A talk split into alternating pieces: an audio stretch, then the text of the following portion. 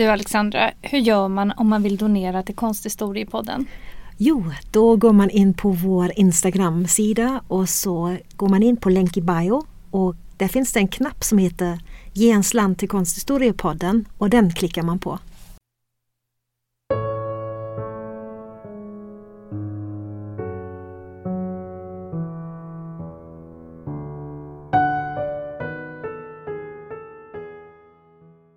Hej och välkomna till Konsthistoriepodden. Jag heter Alexandra Frid. Och jag heter Alexandra Härlitz. I dagens avsnitt ska vi prata om ett konstverk som tar oss tillbaka till 1600-talet och den Iberiska halvön. Vi kommer att möta ett av de stora namnen från barockkonsten, en konstnär som målade vid det spanska hovet under större delen av hans karriär. Reste till Italien för att studera den italienska konsten och hade ett rikt och spännande utbyte och samarbetande med den flamländska konstnären Peter Paul Rubens. Sist kommer vi även att prata om målningens kungliga huvudperson och hennes tragiska livsöde. Konstverket är från 1656 och det är verkligen unikt för sin egen tid.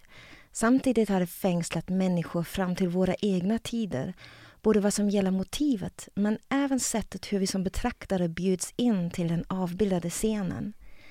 Vi ska prata om den spanske barockmålaren Diego Velázquez och den målningen som ofta har kallats hans mästerverk, Las Meninas. Las Meninas kan översättas till Hovdamerna och det är den mest kända målningen på Prado, den mest berömda målningen av Velázquez och sägs vara den målning som bäst sammanfattar Velázquez konst.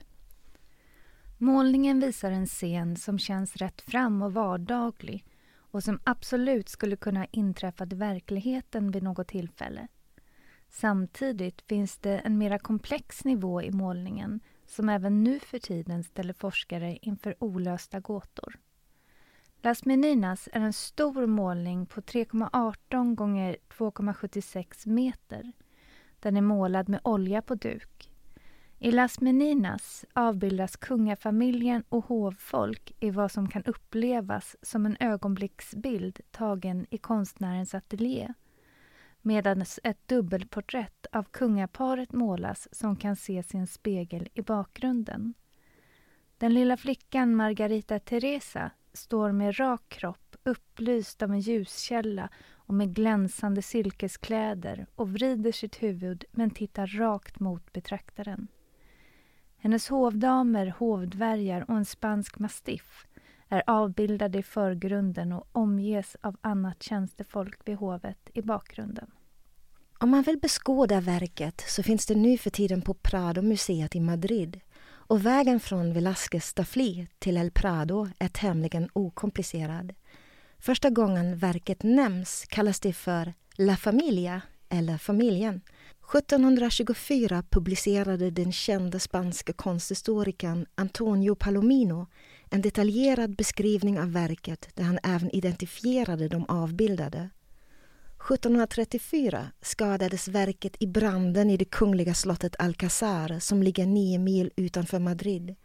Målningen fick därför genomgå en omfattande restaurering. När det gjordes en inventering av den kungliga konstsamlingen år 1747 till 48 identifierades den unga prinsessan i tavlan felaktigt som Maria Theresia som i själva verket var den avbildade Margarita Teresas äldre halvsyster i kungens första äktenskap. Denna felattribuering rättades så småningom till i en inventering som gjordes 1772 när den kungliga samlingen hade flyttat till det nya kungliga palatset i staden Madrid. Målningen bytte namn flera gånger. Det kom inte alltid att behålla sitt ursprungliga namn La Familia utan fick en ny titel 1794 då den kallades för Filip IVs familj. När verket hade flyttats från det kungliga slottet till Prado-museet katalogiserades samlingarna och i denna katalogisering kallades konstverket istället för Las Meninas, hovdamerna, men ingen vet varför det blev denna titel. Titeln Las Meninas är inget självklart val av titel om man tittar på konstverket och dess motiv. Hovdamerna är varken ensamma i tavlan eller de figurerna som det huvudsakliga fokus ligger på. Det får oss att fundera mer på verkets motiv och den märkliga scenen som hovets målare Diego Velázquez lägger fram och som möter oss som betraktare på ett väldigt rakt sätt. Det är en målning som skiljer sig väldigt mycket från alla slags höviska porträtt som man är van vid att se, oavsett stilepok dessutom. Konstverket presenterar sig som en vardaglig scen som skulle kunna vara tagen ur livet men bakom dess skenbara enkelhet döljer sig ett komplext verk som kan läsas och tolkas på olika nivåer. I en av salarna på slottet Alcazar ser vi en grupp personer. Den lilla prinsessan Infanta Margarita Teresa befinner sig i centrum av kompositionen och är omgiven av två hovdamer, de så kallade Las Meninas, som har gett målningen dess titel. Hovdamen till vänster som är nerböjd och erbjuder den unga prinsessan dryck ur en rödbrun keramikkruka på en silverbricka har identifierats som Maria Agustina Sarmiento, hovdamen som står till höger om prinsessan och tar blickkontakt med oss som betraktare, sägs vara ett porträtt av Isabel de Velasco. Men Las Meninas är inte det enda tjänstefolket vid det spanska hovet som figurerar i denna målning. Snett framför den stående hovdamen och närmast oss som betraktare står en kvinnlig hovdvärg, en kortväxt kvinna vid namn Maribarbola som betraktar oss ståendes bakom en stor hund, en spansk mastiff som ligger på golvet. Maribarbola tittar på oss med ett svårtolkat ansiktsuttryck. Hennes ansikte verkar vara naturalistiskt återgivet och hon verkar inte förställa sig som man brukar göra när man poserar för ett porträtt. Hon är framställd som om hon inte är medveten om porträttsituationen utan befinner sig i en vardaglig situation, vilket är en av detaljerna som förstärker målningens otvungna och informella atmosfär bortom de höviska ceremonier och konventioner som vi vanligtvis får se i målningar från kungahov. Till höger om Marie Barbola står den italienske hovdvärgen Nicolasito Pertusato. Han ställer sin fot på den eleganta mastiffens rygg som om han vill reta den eller väcka den från sin vila. Den stora hunden betonar på ett nästan groteskt sätt de två kortväxta personerna bakom den. Även positionen som hunden intar förefaller så väluppfostrad och elegant att den står i raka motsatsen till den busiga Nicolasito. Precis som allt annat i målningen lär det inte vara en tillfällighet att Velázquez valde att måla just den spanska mastiffen och de två hovdvärgarna från Filip IVs hov.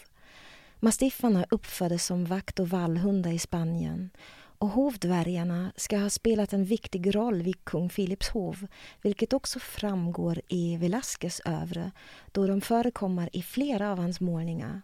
Till höger bakom gruppen av hovdamerna och hovdvärgarna i mellangrunden och även lite i halvskuggan står Diego Ruiz Azcona och till vänster om honom Marcella de Oloa. När Marcella de Oloa hade blivit änka fick hon en anställning hos grevinnan av Olivares som var frun till greve hertigen av Olivares som just var den mannen som gav Velázquez sitt allra första porträttuppdrag av Filip IV vilket i sin tur ledde till att han kom att utnämnas till hovmålare vid det spanska hovet. Efter en tid hos grevinnan av Olivares blev Marcela de Ulloa istället barnflicka till infanta Margareta Teresa och i denna position vid hovet får hon alltså vara med i denna målning. På andra sidan av hovdamerna och prinsessan ser vi målningens målare själv med penseln i handen står Velasquez själv framför en enorm duk av vilken vi som betraktare bara får se baksidan. Hans fokuserade blick möter betraktaren som om det vore vi som står modell för honom. I spegeln med den tunga ebenholtsramen som hänger i mitten av bakgrunden får vi en ledtråd vad som kan vara på målningen. I dess försilvrade yta reflekteras de suddiga gestalterna av kung Filip IV av Spanien och hans andra maka, drottning Maria Anna av Österrike. Kungaparet verkar således stå utanför målningen och på samma plats som betraktaren som står framför verket. Det spanska kungaparets spegelbild är inte de enda figurerna som är utplacerade i bildens bakgrund. I slutet av den stora salen i målningen ser vi i motljuset av en upplyst dörröppning den mörka siluetten av José Nieto som var hovmarskalk och drottningens kammartjänare. Motivet av figuren i den upplysta dörröppningen sägs vara inspirerad av en målning av den flamländske målaren David Tenier den yngre som fanns i den kungliga konstsamlingen när Velázquez målade Las Meninas. Tenier hade en liknande position som Velázquez men hos ärkehertigen Leopold Wilhelm i Bryssel som ju var en kusin till kung Filip IV av Spanien. Mellan dessa två samlare fanns en viss tävling. Forskare har spårat flera detaljer i Las Meninas till Teniers verk. Tenier hade exempelvis börjat att dokumentera ärkehertigens konstsamling i Bryssel i sina målningar, som också exporterades. På så sätt visade han upp vilken skicklig konstsamlare Leopold var samtidigt som han även visade upp sina egna kvaliteter som ansvarig för Leopolds konstsamling. Velázquez sägs ha tagit inspiration av Tenier när han målade Las Meninas i det spanska hovets konstsamling på Alcazar. På detta sätt kunde han visa upp den samlingen som han själv var ansvarig för och hade varit med att förvärva och hänga. Men även av kompositoriska skäl är den mörka figuren i det ljusa partiet viktig. Det blir en helt annan tavla om man föreställer sig målningen utan denna del. Den upplysta dörröppningen öppnar upp tavlans mörka bakgrund och ger den en dynamik. Det händer något i detta möte av det ljusa och det mörka. Dessutom verkar bildrummet öppnas upp även åt det motsatta hållet. Så på något sätt känns det som om bildrummet är öppet mot oss som betraktare, men även bakåt. Vi förstår också att det finns fler rum att se där bakom kulisserna av det spanska kungaslottet. Och detta gör det kanske ännu mer tydligt för oss att det är just det som vi får i och med denna tavla. Vi får en blick bakom det spanska hovets kulisser. Det finns många tankar och tolkningar om bildens motiv och komposition. Därför visas kungaparet något suddigt i en spegel i bakgrunden medan den unga infanta Margarita får inta konstverkets viktigaste plats i förgrunden av målningen. Skulle man kunna tyda det som en anspelning på ett dynastiskt maktskifte? Men ännu märkligare är ju det faktum att målaren själv har placerat sig in i verket framför allt med tanke på kungaparets undanskymda gestaltning. Så, en scen som till synes är utan större betydelse, en vardaglig scen bakom kulisserna vid hovet, i dimensioner som hittills enbart hade använts till porträtt eller historiemåleri.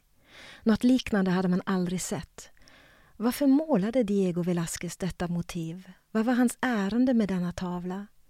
För att förstå detta behöver vi titta lite närmare på Diego Velázquez själv och hans karriär som spansk hovmålare. Trots att en mängd dokument dykt upp i arkiv genom åren är det fortfarande informationen från de tidigaste biografierna som står för Velázquez livsteckning. Antonio Palomino skrev den första biografin som publicerades 1724. Palomino var själv verksam som hovkonstnär i Madrid och hade god kännedom om Velázquez verk samt kunde intervjua människor som hade känt honom. Diego Rodríguez de Silva y Velázquez, eller Diego Velázquez, föddes i Sevilla år 1599. Vid 24 års ålder lämnade han sin hemstad för den spanska huvudstaden där han skulle leva och verka som hovmålare fram till sin död 1660. Enligt Palomino började han först studera hos Francisco de Herreras för att sedan fortsätta sin utbildning hos en av Sevillas mest framstående lärare, Francisco Pacheco, vid endast 11 års ålder. Pacheco var själv målare, författare och poet och efter sex år blev Velázquez mästare i måleri och kunde anställa sina egna assistenter. 1618 gifte han sig dessutom med sin lärare Pachecos dotter och de fick två döttrar.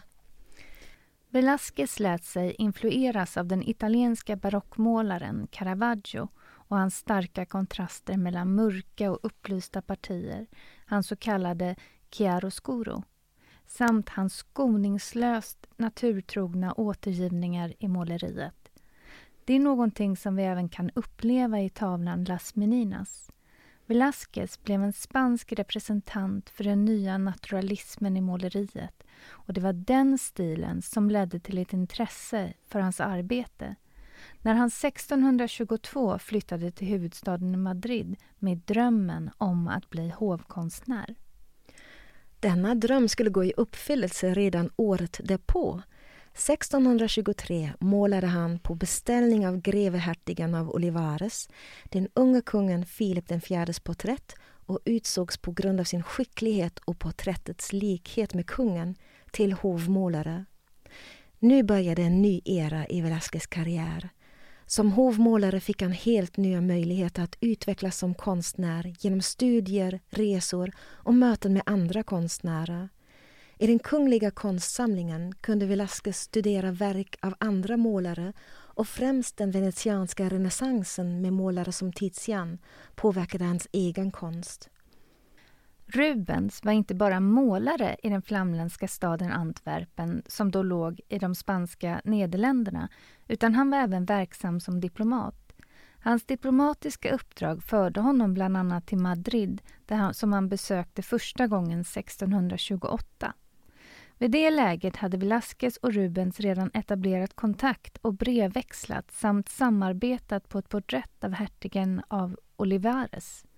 Rubens stannade vid det spanska hovet i sex månader och målade under tiden porträtt av kungafamiljen och kopierade Tizians verk i samlingarna. Velázquez sägs ha fått viktiga impulser av Rubens. Bland annat ska Velázquez ha blivit så inspirerad av Rubens att han själv reste till Italien för att studera den italienska renässanskonsten på plats. Två utdragna Italienresor skulle det bli för Velázquez del. Den första resan varade från juni 1629 till januari 1631 1649 reste Velázquez igen till Italien där han överlämnade flera målningar till påve Innocentius den tionde. Velázquez porträtt av denna påve, som han målade 1650, kom att bli mycket berömd och kopierades många gånger. Så sent som 1950 65 målade den irländske konstnären Francis Bacon sin egen uppseendeväckande version av detta porträtt. Det är alltså ett väldigt starkt porträtt som Velázquez målade och det har inspirerat många andra konstnärer. Det som man kan säga är att det är först efter den andra Italienresan och under de sista tio åren av hans liv som Velázquez målade sina viktigaste konstverk som Las Meninas, Las Hilanderas, eller Spinnerskorna, och Innocentius den tionde. Samtidigt var det väldigt få målningar som han gjorde under denna tid då han fick andra viktiga uppdrag vid hovet. Velázquez dog den 6 augusti 1660 och begravdes i San Juan Bautista-kyrkan. Då kyrkan förstördes omkring 1809 av fransmännen under det spanska självständighetskriget finns hans gravplats inte bevarad.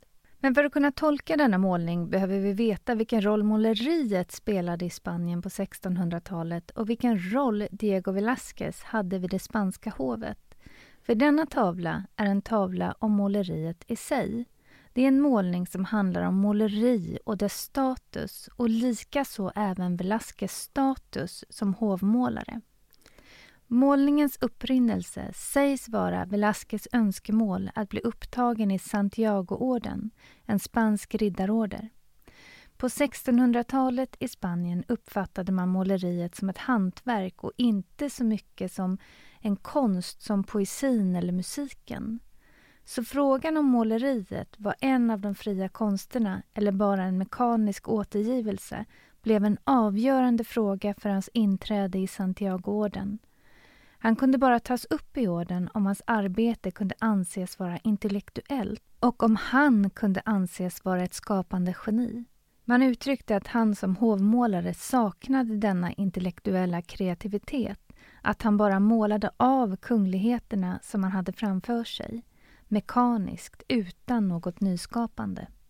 Att man uppfattade hans arbete som hovmålare som en ovärdig uppgift visar sig i det faktum att han vid sin upptagning i orden fick intyga inför en grupp av hundra vittnen att han aldrig har målat för pengarnas skull utan enbart för att skapa glädje för kung Filip den fjärde. Velázquez var inte bara hovmålare utan hade dessutom andra ämbeten vid spanska hovet. Mellan 1640 och 1650 var han ansvarig för den kungliga konstsamlingen. Det var hans ansvar att förvärva och förvalta målningar och att inreda de enskilda kungliga residensen med dessa. Då den kungliga konstsamlingen flyttades till Museo del Prado finns det även nu för tiden många konstverk kvar i samlingen från den tid då Diego Velázquez var ansvarig för samlingen. Bland annat köpte han konstverk av Tizian, Rafael och Rubens som han beundrade. I februari 1651, alltså fem år innan han målade Las Meninas, blev han utnämnd som aposentador mayor del Palacio, det vill säga en kammarherre. Förutom anseendet ackompanjerades denna position av en relativt hög lön. Det som man kan säga är att under Velázquez livstid så hände i alla fall något med konstnärsrollen och dess status. Las Meninas har tolkats som Velázquez egen kommentar i frågan om hans uppgifter och status som hovmålare han skulle bevisa att det visst var ett kreativt och intellektuellt arbete och att han inte bara slaviskt avbildade vad han hade framför sig. Han målade alltså då Las Meninas, denna scen som tar oss bakom kulisserna av kungahovet. Bara detta är en maktdemonstration. Velasquez visar att han som hovmålare inte bara har insyn i livet vid hovet utan att han även har makten att stoppa klockorna och representera livet vid hovet så som det är. Men bilden och dess ärende är mycket mer komplex än så. Velázquez avbildar sig själv i denna målning och inte bara som en bifigur utan som betraktare förstår man hans framträdande roll utifrån kompositionen. Han målar sig själv med pondus. Han sträcker på sig ståendes vid staffliet och möter vår blick. Självmedvetet bär han sin ämbetssymbol, kammarherrens stora nyckel vid bältet. Nyckeln visar, liksom själva målningen, att Velázquez har tillgång till slottets många rum. Att han alltså är i en maktposition vid hovet. Han målar sin egen gestalt stor i målningen. Mycket större och tydligare än självaste kungaparet. Kungaparet är ju dessutom egentligen placerat utanför målningen. Det är bara deras reflektion i spegeln i bakgrunden som tar in dem i bildrummet. Velázquez visar upp sig som en del av hovet och avbildar sig själv bredvid den unga infantan. Tavlan skapades av en självmedveten konstnär som i denna tavla skulle visa vad konsten kunde åstadkomma.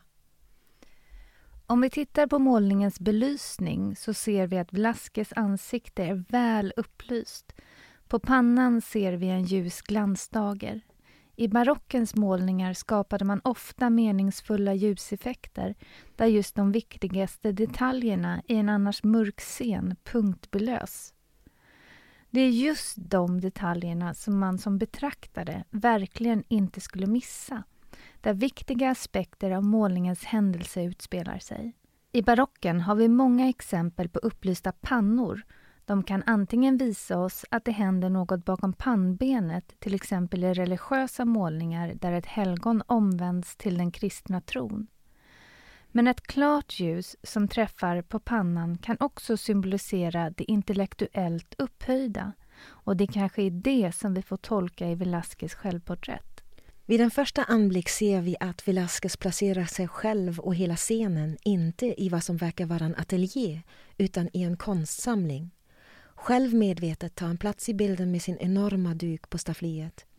Att skapa konst mitt i konstsamlingen på Alcazar kan tolkas som Velasquez sätt att tematisera sin värld eller sin position i världen.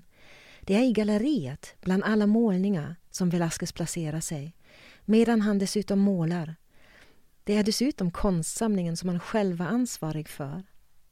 Placeringen i konstsamlingen är inte oviktig, vilket vi även ser i själva kompositionen. Velázquez använder hela den övre halvan av målningen för att ge utrymme till konstsamlingen och målningarna. De två målningarna som hänger överst i bakgrunden kan till och med identifieras. Det är kopior av två verk av de flamländska målarna Rubens och Jacob Jordans som ju båda var samtida med Velázquez, så det är modern konst vi får beskåda. Dessa två kopior i Alcazars samling målades av den spanske konstnären Juan Bautista Martinez de Mazo som dessutom var Diego Velázquez svärson. Vissa forskare menar att Velázquez bara återgav rummet så som det såg ut och att han i målningen dokumenterar rummet in i minsta detalj. Konstvetare som har undersökt frågan om vilket rum det är som gestaltas i målningen menar att det är det så kallade Pieta Principal, alltså huvudsalen i prins Baltasar Carlos bostad. Kung Filip IV överlät detta rum redan i början av 1650-talet efter att prinsen dött till Diego Velázquez som hädanefter använde denna sal som sin ateljé. Det fanns överlag ett starkt band mellan kung Filip IV och Velázquez trots den stränga etiketten vid hovet. I Velázquez ateljé stod alltid en stol redo för den spanska kungen som ofta kom till ateljén för att beskåda Velázquez i sitt arbete. Sedan finns det många forskare som säger att målningarna som är gestaltade i rummet är mera betydelsefulla och att det inte bara är frågan om en sanningsenlig gestaltning av rummet. Den vänstra målningen i bakgrunden har identifierats som en kopia av Peter Paul Rubens Minerva och Arachne och målningen till höger visar den flamländske målaren Jakob Jorans version av Apollo och Marcias som är en vidareutveckling av Rubens målning med samma namn. Båda målningar gestaltar scener ur den antika mytologin som den beskrivs i Ovidius skrift Metamorfoser. Båda anknyter på olika sätt till den så kallade Paragone-diskussionen som går tillbaka till den italienska renässansen man diskuterade vilken konstart som var den bästa av alla. Var det måleriet eller litteraturen som lämpade sig bäst som medium för att imitera naturen och skapa konst?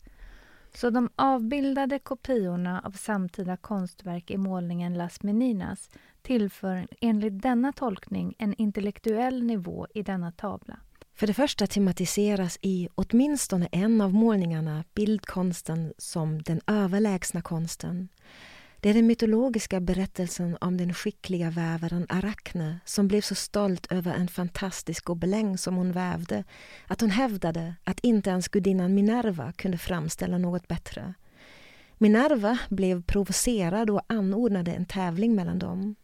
När Minerva sedan såg Arachnes gobeläng och förstod att hon hade underskattat Arachnes skicklighet och att bildväven var det mest fantastiska och vackraste hon någonsin hade sett blev Minerva så arg, framförallt då över sin egen framställning i gobelängens motiv, att hon slet isär den i trasor.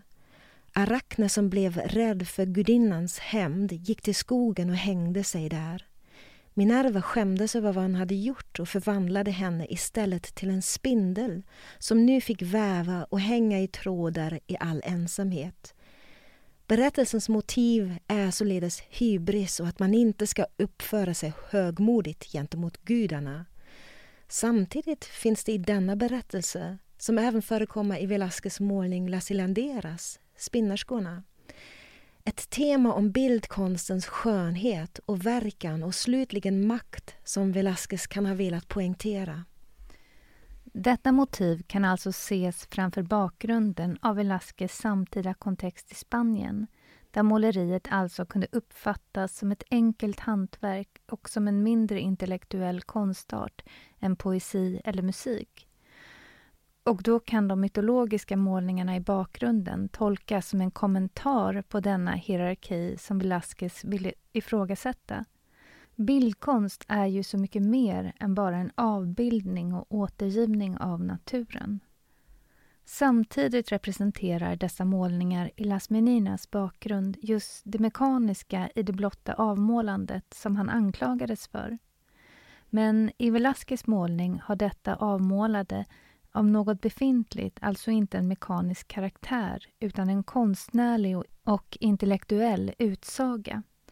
Och i och med de mytologiska berättelserna tematiserar han måleriets status samtidigt som han visar hur fria tyglar han hade som hovmålare.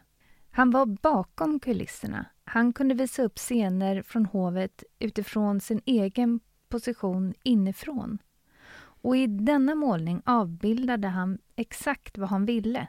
För denna målning, som skulle kunna uppfattas som en ovanlig samling av personer vid hovet som samlats runt kungligheterna, har inte dess like i konsthistorien. Velázquez drar ut på svängarna och visar att det är han som bestämmer och han målar precis vad och hur han vill. Vi stannar på samma tavelvägg och tittar på kungens och drottningens reflektion i spegeln och kanske anspelar reflektionen till det kända Anolfini-porträttet. Flera ledtrådar i målningen visar att Velázquez har tagit utgångspunkt i den kungliga konstsamlingen. Bland annat fanns i denna samling på Alcazar det mycket kända verket Anolfinis trolovning som målades av Jan van Eyck och är daterat till 1434. Idag finns Anolfini-porträttet på National Gallery i London men ska alltså, trots en rad oklarheter, ha befunnit sig i Madrid under Velázquez tid som hovkonstnär. Och detta verk sägs alltså kan ha påverkat Velázquez motivval i Las Meninas. Under 1400-talet var det inte helt ovanligt att de flämländska konstnärerna avbildade speglar i bakgrunden av sina målningar. Men desto ovanligare att man målade vad som förefaller vara ögonblicksbilder i vardagsmiljöer som vi ser i Arnolfini-porträttet. Även om man ibland dragit för stora växlar på likheterna mellan de två verken finns det ju i alla fall en gemensam tanke på att öppna upp kompositionen för betraktaren med hjälp av speglarna i bakgrunden. I Arnolfinis trolovning ser vi parets ryggar och två andra personer varav den ena ofta tolkas som att föreställa konstnären Jan van Eyck själv. Både i Las Meninas och Anorfini-porträttet finns det hundar avbildade även om det rör sig om en terrier i Anorfini-porträttet och en spansk mastiff i Las Meninas. Flera gånger har hundens närvaro och betydelse diskuterats i Arnolfini-porträttet och däribland att det skulle kunna vara någon typ av trofasthetssymbol kopplat till Fido som är ett hundnamn som betyder ”jag är trogen” på latin. I Las Meninas använder konstnären spegeln för att visa betraktaren motivet som han arbetar på. Säkerligen hade Velázquez sett Jan van Eycks målning eftersom till och med en tysk turist, Jakob Kvellwitz, uppmärksammade målningen 1599 vid ett besök på Alcazarpalatset utanför Madrid. Men därefter finns inget mer nämnt om konstverket fram till 1700. Las Meninas är en målning som har ett tydligt fokus på betraktaren, alltså på oss som tittar på bilden. Just detta direkta tilltal till betraktaren som Velázquez skapar genom figurernas position och gestaltning av bildrummet är exceptionellt i detta verk. Detta sätt att direkt engagera oss som betraktare finns inte i hans andra verk som på så sätt är mera tydligt målade för hovet och inte för oss utanför. Men liksom Velázquez andra tavlor har även denna skapats med en stor medvetenhet för alla sina detaljer. Alla figurer som finns samlade i duken samlas för oss som betraktare. Och vi som betraktare står ungefär där där kungaparet står enligt spegelbilden som vi ser i bakgrunden.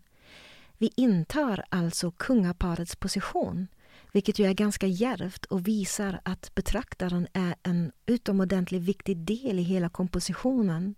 Det är genom oss som betraktar målningen som dess innehåll blir laddat. Det som vanligtvis inte är bestämt för våra ögon breder Velázquez ut på duken direkt framför oss och visar hur han som hovmålare kontrollerar vad vi får se och vad inte.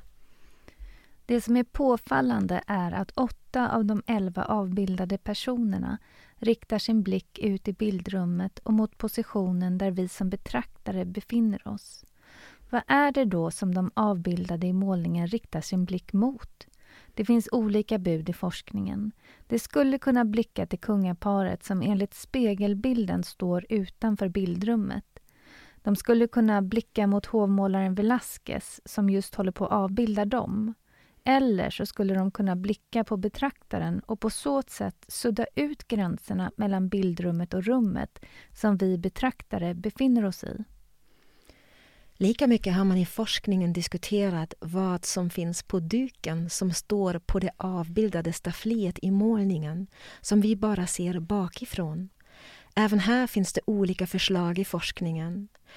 På duken skulle Velasquez motiv kunna finnas antagligen kungaparet som vi ser i spegeln. Det skulle också kunna vara ett porträtt av den unga infantan Margarita. Eller så skulle det kunna vara just tavlan Las Meninas. Frågorna som uppstår och som inte kan besvaras med säkerhet visar på att det är ett intellektuellt och intrikat spel mellan verkligheten och den målade verkligheten som försiggår i målningen Las Meninas. Man har många gånger även betecknat denna målning som en metabild. Det är en bild som tematiserar dess egen framställning vilket betyder att bildens motiv skapar en kontext eller sätter igång våra tankar om verket själv.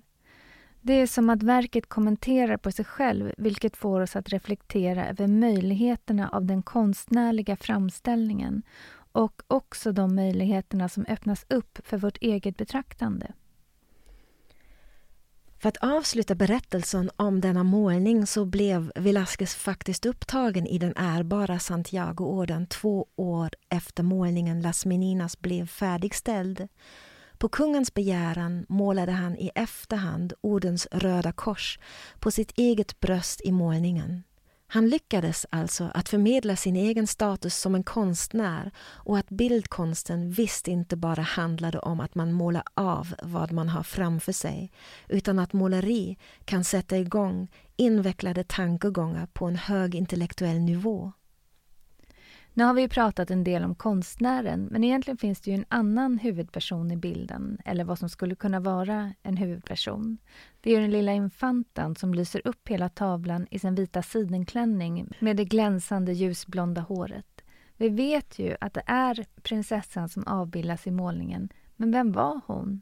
Margarita Teresa av Spanien föddes den 12 augusti 1651 i Madrid och dog den 12 mars 1673 i Wien och kom att bli en tysk-romersk kejsarinna. Hon var dottern till Filip IV och hans andra hustru Maria Anna av Österrike. Margarita Teresa har beskrivits som glad och livlig av sina släktingar och vänner och kallades för den lilla ängeln. Hon hade även turen att få vara relativt frisk i motsats till sin sjukliga bror som egentligen var Spaniens tronarvinge. När Margarita skulle giftas bort fanns flera alternativ från de europeiska kungahusen. Men efter att hennes stora syster gifts bort med den franska kungen föll lotten på Margarita att gifta sig med den tysk-romerska kejsaren Leopold den förste. Det spanska hovet var inte alltför pigga på denna idé eftersom Margarita oavsett skulle ärva den spanska kronan om hennes lillebror dog. Det nära släktskapet var dessutom oroväckande. Leopold var inte bara hennes morbror men också kusin på hennes fars sida. Paret fick således fyra barn, varav bara ett skulle överleva spädbarnsåldern. Efter fyra förlossningar och två missfall orkade inte Margaritas kropp mer och hon dog 1673, endast 21 år gammal. Men prinsessan är bevarad i målningen och står och tittar på oss betraktare och får ändå visa upp sig för alla besökare som kommer till El Prado. Det var några av de historierna som finns om Las Meninas av Diego Velázquez och vi hoppas att ni tyckte det var lika intressant som vi. I nästa avsnitt kommer vi berätta om ett nytt spännande verk, men vad det blir, det får ni se då.